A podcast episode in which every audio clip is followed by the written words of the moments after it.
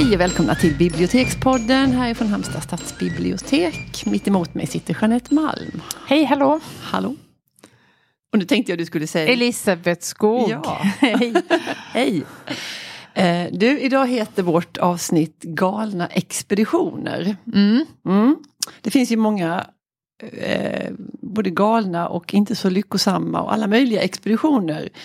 Och vi ska Det är nog de mer misslyckade som blir omtalade. Ja. De lyckade är inte riktigt lika eh, kittlande att prata om, Nej, tror jag. nej, men det är sant. Och det har skrivits om, särskilt om de här som vi ska prata om, de inte så lyckade expeditionerna. Men vi Mm. tänkte börja lite sådär mm, pedagogiskt med själva ordet expedition. Eh, som ju kommer, det är ett latinskt ord som ligger bakom, som så ofta. Mm. Eh, expeditio. Eh, och det har med verkställan, verkställighet att göra, att, liksom, att Mm. utföra någonting. Ja. Eh, och vi var så upptagna av våra expeditioner som vi tänker på så vi glömde bort det här liksom andra ordet med gå till expeditionen. Liksom det här, Ja. ett litet kontor som är i, i Men början jag tror inte av att en man verksamhet. säger det längre. Nej, kanske I inte. den bemärkelsen. Nej. Men det var inte så länge sedan man gjorde Nej. det. Men det hade nästan fallit ur vår, eh, Ja. vårt medvetande Ja, ja, ja. att det faktiskt kan då vara en fysisk plats. Mm. Men det är också något en expedition är ju liksom mer dramatisk än en vanlig eh, Utflykt. Nej men alltså det är någonting att det är någonting okänt som väntar. Mm. Tycker jag ligger i ordet. Ja, Man vet inte nej. var man hamnar eller Nej. när man kommer tillbaka eller hur det ska gå. Nej, något litet äventyrligt eh, Ja, precis. oklart. Vi tittade på vad det finns för synonymer och då är det sådär forskningsresa och forskningsfärd. Alltså det är ju Mm. någonting som ska utforskas eller tas reda något på. tidigare oupptäckt. Man ska Ja. vara den första Ja. som gör någonting. Det är ganska viktigt. Ja, det blir ju svårare och svårare. Ja hjälp ja. Det var lättare förr. ja, när det var vita fläckor, fläckar Ja. på kartan. Ja. Outforskat område. Expedition. Skulle du kunna tänka dig att någon gång medverka i en expedition? Nej, jag är alldeles för harig. Ja, Faktiskt. Så Nej, det var ett kort heller. och gott svar på detta. det låter Mm. helt fruktansvärt. Särskilt Ja. när man läser om de här umbärandena som de Ja, gjorde när hjälp. de inte hade de materialen. De hade inga, inga kommunikations... Idag är det faktiskt inte speciellt svårt. Det är bara att skicka ett sms. Ja, Kommer med Nej, men också man har liksom eh, klädmaterial och så vidare. Mm. Men när de förr gav sig ut i sina kostymer och lågskor mot Ja. Nordpolen. Liksom. Sidenkravatt. Vi Ja. kommer till det tror jag. Det kommer vi till. Eh, nej, och jag fattar inte hur någon frivilligt kan utsätta sig för Nej. det. Eller in i djupaste djungeln där man liksom ska Mm. leta reda på någon eh, stam som har levt i frid i årtusenden. Kan de inte få vara i fred Jo, där? Låt dem Låt vara. dem. Eh, nej, så det är inget för oss, men det är kul att läsa om. Ja det är det sannerligen. Mm. Eh, du har med första, dig en helt ja, gäng jag, böcker ja, Det var svårt att välja, Ja, för det fanns förstår. så väldigt mycket. Men en Mm. bok som jag läste för flera, flera år sedan, den kom ut 2002 och skriven av Jon Krakauer. Och den heter Tunn luft och den handlar, handlar undertiteln är en insidesskildring av tragedin på Mount Everest. Mm. Kommer du ihåg den? Kanske. Eh, 1996 eh, så går det upp ett gäng. Mm. Eh, eller det är flera olika grupper som ska bestiga Mount Everest. Mm. Och väl där så går allting åt skogen för att de det var ju så också att det finns en, liksom en kommers i det här att föra Oh ja. personer upp Mm. till toppen. Och det finns människor som betalar väldigt mycket för att komma dit för att det är Mm. status att ha gjort det. Så de Mm. blir och det har väl liksom, bara blivit värre och värre med Ja, åren om det här och där var på det lämnas 90-talet. massa skräp efter sig och sånt. Det är jätte, jättehemskt Mm. egentligen. Men det är också medfört att man då tummar eller tullar lite grann på säkerheten. För det finns en massa regler att Mm. har man inte nått toppen före klockan är si eller så, då måste man vända även om du ser toppen framför dig, för att då blir det mörkt. Mm. Börjar det blåsa, börjar det snöa, alltså väderleksförhållanden, då ska man vända. Men i den här fatala expeditionen så drevs man då av, mm. alltså fullt förståeligt mm. på något sätt. Det är klart, om och man är så ignorerade nära. de här och det medförde då att nio personer dog. Oh. Det var fyra, fyra expeditioner och nio personer och tror att två av dem var faktiskt väldigt erfarna ledare. Mm. Eh, det blir en fruktansvärd eh, liksom, publicitet och debatt runt det här. Mm. Och den här boken som heter Tunn luft, den beskriver då från liksom, planering och till genomförande och är väldigt nära liksom. Mm. Är det, någon, det är någon av de överlevande som har, som, som har skrivit den eller som har varit med och skrivit? Oklart om han faktiskt var med, men han är ju en bergsbestigare okay. och har varit där. Men om han var med just då, det vet jag inte. Han Nej. nämner även Göran Kropp för flera tillfällen mm. som ju var väldigt känd eh, äventyrare som mm. det också slutade illa för. Men den är otroligt spännande mm. faktiskt och eh, initierad skildring av det här fruktansvärda mm. som hände. Mm. Ja. ja, men du, då går vi ner på avdelningen för skönlitteratur. Där en favoritbok till mig som jag genast kommer att tänka på när vi började spåna kring det här ämnet. Mm. Och det är Annie Dillards essäsamling som heter Att lära en sten att tala. Underrubriken är Expeditioner och möten. Mm. Eh, och den är så Alltså hon är kanske inte så himla välkänd i de breda lagren men det borde hon sannerligen vara för hon är smart och rolig och, eh, och väver ihop en massa olika aspekter på det här med expeditioner. Um, hon, det, det, är inte så att hon går igenom expedition för expedition utan hon, hon tar ett större grepp och liksom ser vad finns mm. det för mm. likheter och mm. funderar också kring varför gjorde de så här. också deras, som vi var inne på lite, den här okunnigheten när de ja. gav sig iväg. Och de här konstiga, konstiga saker de hade med sig och för tunna kläder och mm. sådär. Um, och också liksom att det var en viss, funderar hon på den här personlighetstypen som, som mm. gör det här dit ju varken du eller jag räknade oss. Nej men jag tror också det är en väldigt manlig eh, mm. övervikt där på ja. Eh, äventyrarna.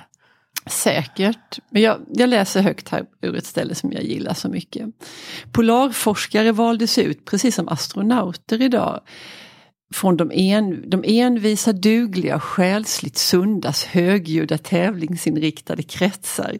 I synnerhet många av de brittiska anförarna var män som besatt en häpnadsväckande personlig värdighet. När man läser deras redogörelse för ett liv in extremis slås man av den ändlösa formaliteten dem emellan. När Scotts kapten Oates offrade sig själv på den antarktiska halvön därför att hans förstörda fötter sinkade deras marschhastighet klev han ut ur tältet en natt för att frysa ihjäl i en snöstorm. Och han sa till de andra, jag går bara ut och det kan ta ett tag. Mm. Mm. Eh, det tycker jag är så, de här, den här liksom formella tonen och mm. den känner man också igen ifrån ifrån andra. Vet du, Håkan brukar, vår kollega och bland poddmedlem brukar ja. citera André. Ja. när han säger, vad är det han säger Jeanette? Han säger vår position är ej synnerligen god. Nej. Jag tror han skrev ner det. Mm. Och då är det ju en fullkomlig katastrof. Ja. Alltså örnen då, luftballongen har ju kraschat, de befinner mm. sig på isen. Allting är hopplöst ja. och då beskriver han det att positionen är ej synnerligen god. Nej. Det kan man kalla en underdrift. Men det säger någonting om ja. den och det lilla, Jag tycker det är så, det lilla korta ordet ej ja. liksom, kommer ju helt i skymundan av det här storvulna synnerligen god. Mm. Som ju tar... Mm. Det är också en, liksom en krock mellan hur man skulle vilja att det var och hur det verkligen ja. blev. Absolut. Eh. Sen, ja, och vi hoppar tillbaka till till um, Annie Dillards bok så, så nämner hon då så här att 1845 så var det en annan expedition eh, med Sir John Franklin och 138 officerare som lämnade England och steg ombord för de skulle leta upp Nordvästpassagen som då förmodades finnas tvärs över den kanadensiska, det kanadensiska Arktis. Um, de seglade med två tremastade barkar. Varje segelfartyg hade en ångdriven hjälpmaskin och ett 12, hör nu här, 12 dagars förråd av kol för hela den planerade färden på två eller tre år.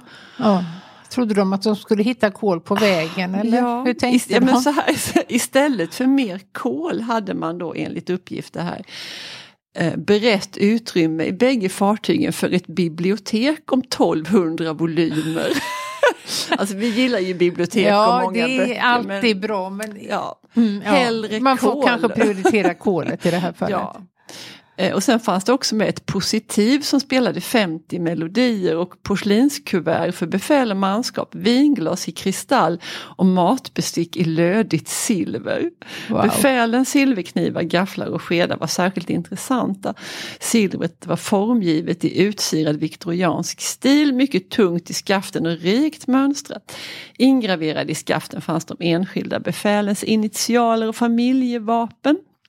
Inga särskilda kläder för Nordpolen hade tagits med på färden, bara uniformerna i hennes majestäts flotta. Wow. Ja, men man skulle, jag skulle kunna citera jättemycket, jag ska inte göra det. Men hon skriver också att de, de roade sig med att spela teater. Det var väldigt noga med att de skulle ha liksom, också trevligt och roligt Ja. på kvällarna. Så de hade med sig massa rekvisita och teaterpjäser och grejer. Men det är ju sån alltså, oskuld inför Ja. det som väntar. Ja, Att man, Mm. Och samtidigt liksom grandiost. på något ja men på vis, va? något, ja. Det, det är svårgripbart för man kan bara säga när man var dumma de var men det är mer än Ja, så. det finns mer än så. Ja. Ja. Ja, men det, ja, väldigt fascinerande. Det här med Väldigt liksom fascinerande. kol för en 12 dagars färd. Mm. Det ordnar sig tänkte de ja, ja, ja. Men man undrar också att ingen liksom ställde frågan, Ja. räckte upp handen och sa men hallå, Ja, varför men måste vi vet, ha med alla Det böcker? är det svåra. Jag vet. Visselblåsare, Ja. minns hur det går för dem. Ja, Och det råder konsensus, man får inte komma där och vara en jobbig typ. nej. nej jättefascinerande. Mm. Mm. För så var det ju också, men vi har ju Ja. säkert nämnt den här både en och Ja, fem men det gånger. Men den förtjänar tål- faktiskt ja, att ja, ja. lyftas fram alltid. Och det är Bea Usmas Expeditionen, min kärlekshistoria. Som kom 2013 och också tilldelades Augustpriset. Mm. Och det är en helt fantastisk bok. Hon har ju gått till botten med André-expeditionen som Ja, det här handlar om. Ja. Eh, och alla de här förutfattade meningarna som hade upprepats så många gånger Mm. att de blev sanningar fast de var helt falska. Så hon, man kan väl säga att hon faktiskt löser gåtan med för det som hände det var ju att expeditionen gav sig av i luftballong mot, från Stockholm var det väl, och Mm. Den skulle då till eh, Svalbard. Svalbard, ja Vitön. ja. Nordpolen var ju liksom slutmålet. Mm. Och försvann. Eh, och sen dröjde det ju 30-40 år innan man faktiskt hittade kropparna och lite tillhörigheter och lite brev och sådär. Och hon lägger pussel med all den här informationen. Och där var det ju också det allra mest rörande tycker jag. Det var ju att man förstod, och man förstod att expeditionsdeltagarna med ingenjör André i spetsen faktiskt fattade direkt när de startade att det här kommer inte att lyckas. Nej. För det hände saker redan vid uppstigningen. Ja. Det var väl någonting med själva ballong... Det var någonting med tyget. ballongen och då Ja. skulle han sagt stopp, belägg, det här Nej. går inte. Men det Nej. gjorde han inte Nej. och det handlar så mycket tror jag om heder och förväntningar för att det här var ju så otroligt upphaussat. Mm. Och det var kungen och det var folk och det var tal och, och det var en sån. Mm. Nej, det går ju inte att ställa in. gick. Nej, inte att ställa in. inget. Så man kan väl Nej. säga att han och de andra då med nästan berått mod. Och de var ju så unga, de var ju knappt 30 år. Eh, och det är så rörande den här berättelsen. Mm. Och en var nyförlovad och han slängde ner eh, sin ring eh, liksom ovanför viten tror jag det var. Mm. För att den skulle hittas då. Eh, de förstod att de gav sig in i döden och de kämpade så otroligt hårt. Mm. Också är det inte en av de här kärngrejerna, men det är väl dödsorsaken Ja. vad de dog av. Mm. Det är också en sån sak som har liksom hamrats fast som en sanning. Trikinerna. Trikinerna. Och det, det är ju så fascinerande med Bea Usma att hon faktiskt utbildade sig till läkare för att kunna lösa gåtan. Hon kunde inte släppa hon var ju besatt i ordets mest positiva bemärkelse i så många år. Och hon maler ju sönder det för att man dör inte av trikiner och Nej. det fanns inte trikiner och bla bla bla. Nej. Så hon ger ju en mycket, mycket mer komplicerad förklaring och jag vill inte riktigt nämna den för det är så Nej. spännande att få reda på det och läsa om det. Men det är intressant hur den där andra trikinteorin ändå liksom Den lever ju och kvar. frodas. Ja. Och det berättar ju hon, eh, jag har Precis. Mm. hört flera intervjuer med författaren Bea Usma där hon håller föredrag om det här. För hon är ju världsledande auktoritet på André-expeditionen. Ja. Det finns ingen som har lika mycket på fötterna som hon. Nej. Hon säger det har Alltid. aldrig hänt att det inte varje föreläsningstillfälle så är det en man som reser sig upp och myndigt förklarar att de dog minsann av trikiner. De är aldrig intresserade av vad hon har att säga Nej. Mm. utan de ska tala om det här för henne och då har hon ägnat liksom Ja, merparten av sitt liv. Ja, det är ett intressant fenomen. Ja, det är också, man blir både förbannad och Ja, skrattar och jag vet inte. ja. Men det är ett märkligt fenomen. Att hon måste förhålla sig till och hantera det här varje Ja, gång. Det är ja. ju också... Men, det hade, eh, man har ju svårt att tänka sig motsatsen då. Man tänker att en, en man hade ägnat hela sitt liv åt, mm, åt något forskningsområde och att en kvinna skulle resa sig upp och liksom Gubbelille. Gubbelille, hör här. nej, För det här har jag läst. nej, utan det, det händer inte. Nej. Och det är liksom lite tragiskt synd om en sån människa som tror att de vet allt, som aldrig är nyfikna på Nej, någonting eller vill ta till sig liksom nya rön. Mm. Det begränsar en ju väldigt mycket. Ja. Fast det har de ju ingen aning om där inne i sin Nej, säkerhet. men vi vet ju. Vi- vi kan ju beklaga. Ja. Men om, alltså har man inte läst Bea Usmas expeditioner så gör det. För det var en andlös upplevelse skulle jag vilja säga. Mm. Mm. Då fortsätter vi på eh, Annie Dillard. Jo, tillbaka till Annie Dillard och hennes expeditioner. Alltså hon gör flera nedslag i den här, det är liksom en essäsamling med olika, hon har varit iväg på en massa, ganska, en del ganska vardagliga expeditioner men en del mer exotiska. Och hon, bland annat så berättar hon när hon är på Galapagos där det finns en särskild sorts finkar som är väldigt speciella som kallas för Darwin-finkar. Och det får man läsa själv om varför de kallas för det. Men, men det speciella med dem är att de, de låter sig lockas fram. Om man kan utstöta ett särskilt litet ljud så kommer det liksom stora jag vet inte om man säger svärmar eller horder av de här fåglarna och så Ja, beskriver häftigt. hon väldigt speciellt hur, eh, hur hon får vara med om detta en gång. Mm. Eh, Hon står lutad mot ett avlövat träd på en halvt förbränd sluttning inåt land där naturforskaren lockade på fåglarna. Från andra avlövade träd flög de gula sångarna och gjorde luften spräcklig av lysande återkastad sol. Grå härmtrastar kom störtande och från den gröna kaktusen, från taggig akacio, vissnat gräs, bräken, Eh, från den lösa svarta lavan, från blotta stoftet från ormbunksbehängda grottöppningar eller överdelen av solbelysta stockar så kom finkarna. De föll in från varje håll likt färgade bitar i ett kaleidoskop som vrids. De flög i cirklar och in mot en virvel som en virvelvind av spånor som torkande vatten. Trädet jag lutade mig emot var virveln. En rad torra puffar träffade mina kinder. Sen nådde ett omilt pulsslag från trädets tunna stam min handflata och fortplantade sig upp för armen. Och sen en till och en till. Trädstammen rörde sig under min hand som en fångad syrsa. Jag tittade upp, fåglarna som slog sig ner fick trädet att gunga. Det var en tillblivelseakt. Förut var det kala grenar, nu satt det fåglar som blad. Där. Mm. Vad vackert. Helt fantastiskt. Mm. Eh, Man kan nästan känna det, både se det och känna Ja, det. ja. där. Och vördnaden liksom när man är där och får Mm. uppleva det. Det är ju också i det mycket mer småskaligt än de där andra Precis. expeditionerna. Ja. Men det, det är verkligen så att man behöver faktiskt inte bege sig så långt för att uppleva Nej. stora saker. Nej, det är väl vilka ögon man tittar med. Ja. Eh, Mm. Mm. Ha, Ja, nej men jag måste också nämna en eh, eh, kvinnlig äventyrare som man måste Ja. respektera alldeles oerhört. Och då är det inte boken som ligger framför mig. För Nej. det är en, det, jag hade tänkt att prata om Shackleton-expeditionen. Men Det kanske kan bli en annan podd. Utan Ja. då är det en kvinna som heter Amelia Earhart. Är hon bekant? Nej. Hon var alltså en flygpionjär. Eh, hon föddes slutet på 1800-talet och då hade kvinnor inte mycket eh, valmöjligheter om man ska Nej. uttrycka det milt. Mm. Men hon gav sig inte utan hon utbildade sig till flygare och hon kämpade väldigt hårt för kvinnors rättigheter också. Och gav sig på att hon skulle flyga. Hon gjorde en massa uppmärksammade långflygningar i en tid när man inte kunde flyga så himla långt. Mm. Men det hon gjorde det hon tände hela tiden på möjligheterna och gav sig på att hon skulle göra en eh, jorden runt flygning.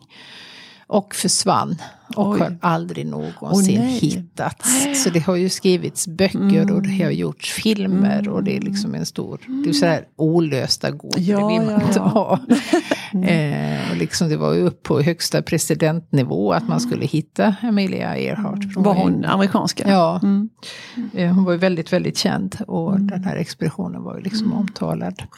Men eh, antagligen, högst sannolikt så har hon liksom störtat i havet. I havet och då någonstans. blir det ju svårt att hitta det här lilla planet. Såklart. Men hon är en spännande person och eh, Men det är ju spännande och med de här drivkrafterna Mm. och ehm, ja, det fanns ju så många olika eh, tabun som hon Mm. skulle bryta. Hon hade ju säkert mycket större motstånd än mm. eh, hennes samtida män. Ja. Som ju liksom inte behövde kämpa mot några liksom, personliga Nej. fördomar så, Nej. som hon fick göra. Ja, Mm. men du, eh, vi får återuppta en gammal tradition Ja, att prata om vad vi läser just nu. För Mm. det har vi inte gjort på länge. Nej. Men det är lite roligt att ha lite sådana korta uppdateringar. Ja, tycker Ibland glömmer vi att fråga varandra också. Ofta vet vi men inte alltid. Ja, ofta är det samma. Ja. Eh, Vill du börja? Jag kan börja. Mm. Eh, jag har haft olika parallellläsningar ska sägas. Mm. Men i, så sent som igår så läste jag ut en väldigt, väldigt bra bok eh, av en vietnamesisk Mm. amerikansk eh, ung författare. Han är poet och det här är hans romandebut. Han heter Ocean Wong. Mm. Och det här Ocean vet jag inte om det är hans dopnamn eller inte. Nej. Eh, han har skrivit en starkt självbiografisk roman som heter En stund är vi vackra på jorden. Alltså man förstår att han är poet för den är så, det är så underbart vacker det är titel. en underbar vacker titel. Mm. Boken är inte vacker till sitt innehåll, Nej. däremot till sitt, det är väldigt, väldigt poetiskt. Det är ju språket som är Mm. liksom griper tag i en. Eh, det handlar om hans eh, mamma och eh, mormor i första hand. Som då är vietnamesiska invandrare i USA. Och hur de då sliter ihjäl sig eh, i det här nya landet. De jobbar på nagelsalong och det Mm. Är ju så att det är Mm. väldigt många asiater som faktiskt jobbar med det här. Mm. Och hur de sitter då böjda eh, 10, 12, 16 timmar per Mm. dygn och väldigt starka ånger och det förstör dem liksom både in och utvändigt. Får eh, problem, sjukdomar på grund av lösningsmedlen, får problem med ryggen och, och det här beskriver han sam, parallellt som han beskriver sin kärlekshistoria med en amerikansk kille som är heroinist. Mm. Eh, och det är så vackert och det är Mm. så plågsamt. Och eh, väldigt, väldigt läsvärt. Mm. Tips. Ja, En stund är vi vackra vi har nog på haft jorden. ett litet öga till den boken. Mm. Mm. Ja, nej men på mitt nattduksbord så ligger då en väldigt röd, väldigt tunn bok och det är Marie Å- Aubert, eller Aubert, vi har tidigare diskuterat uttalet Ja, jag tror vi här. bestämde Ja, oss för Robert. Vi bestämde oss för Aubert och håller vi fast vid det. Eh, när vi pratade om henne förra gången så var det om en roman som heter Vuxna människor som Mm. vi var väldigt upptagna av. En väldigt spännande, eller fascinerande bok eh, som vi inte ska prata om nu, för nu har hon kommit med en novellsamling som heter Får jag följa med dig hem? Mm. Och jag brukar ju hylla korta böcker eller tunna böcker som inte är så omfångsrika. Mm. Ja, av kända skäl. Nu den här gången har jag nästan lust att säga att jag tycker den är för Den kort. är jag för hade velat ha kort. några noveller till. Det ger sån himla mersmak. Mm. Och, för hon kan verkligen novellkonsten också, den här norska författaren. Ehm, och en, om jag ska nämna någon som jag då nyligen läste så är det om ett par som åker iväg till ett sydamerikanskt land och man förstår ganska snart de är på ett barnhem där och de är där för att adoptera Mm. ett mycket litet barn, en liten pojke. Ehm, och man förstår, alltså hon, mellan raderna genom snygg gestaltning så förstår man att de är inte helt lyckliga. Det här är komplext och komplicerat och detta visar sig då genom att, att mannen i det här paret, han, det, de barnen som är på det här barnhemmet, de träffar mycket sällan män och han blir så jättepopulär bland de större, lite mer försigkomna barnen. Han Mm. får jättefin kontakt med en flicka som är sådär i femårsåldern som Mm. söker sig till honom och som vill leka med honom och, och sådär. Och han blir så tagen av, av den flickan på bekostnad av det barnet som de är där för att Aj då. adoptera. Alltså det blir så, Ja. Eh, och man förstår också den här sprickan mellan mannen och kvinnan i, i paret. Och det, här, Ja. Det är så förbjudet det här, eh, nu är de där och de ska uppfylla sin högsta önskan. De hade och, tilldelats det här ja, barnet. Då. Ja, ja, visst. Och så säger de där på barnhemmet att de större barnen blir alltid så ifrån sig och så ledsna. När här, för de, de är ju så stora så de liksom förstår att Mm.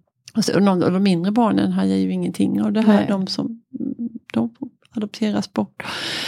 Ehm, men några sidor lång, jättefascinerande, Mm. välskrivet. Där finns flera andra. Och om jag tänker vad, vad det, om det finns något gemensamt tema så är det ju det här det förväntade eh, mot hur det sen verkligen är. Mm. Och det här där det skaver och inte är Mm. så snyggt och hur vi försöker Det känner man ju igen Dölja från det. vuxna människor Mm. också. Där det är också med, med föräldraskap i olika former. Ja, Och barnlöshet och Mm, mm. liksom, Mm.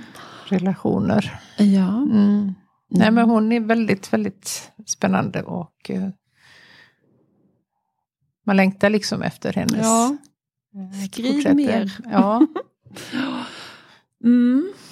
ja, det var detta. Det var det. Tack och hej. Hej då!